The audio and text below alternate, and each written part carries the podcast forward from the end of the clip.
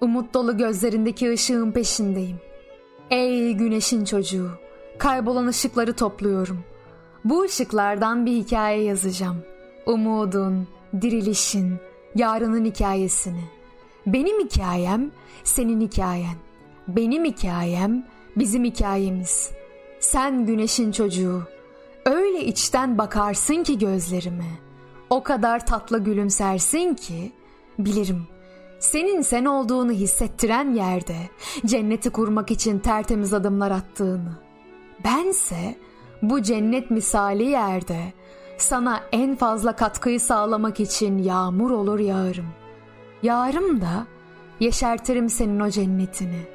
Bilirsin, bütün ışıklar birleşirse karanlığı kovabilir. Senin ışığın benim ışığım. Bizim ışığımız karanlıkları kovacak. Çünkü bakışındaki umut ışığıyla yola çıkmak, Nuh'un gemisine binmek gibi. Dünyayı cennete çevirecek gibi. Sen güneşin çocuğu, samimiyet kokulu yüreğinde büyüttüğüm tohumu ekme zamanı geldi. Elbet fizin, filizlenip topraktan çıkacak. Ve başını topraktan çıkardığında o ışık doğudan yeniden yükselecek. Böylece senin hikayen benim hikayem, bizim hikayemiz gerçek olacak. Sakın pes etme. Bu hikayede başrol senin. Belki bir gün arkana bakıp yüreğin cız edecek. Belki de yüreğin bayram yerine dönüşecek. Güzel yaşanacak bir hayat, güzel yaşatılacak bir hayata gebedir. Sen benim çocuğumsun.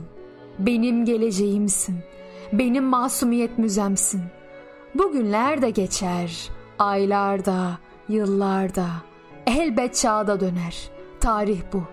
Ama senin hikayen, benim hikayem, bizim hikayemiz kalır.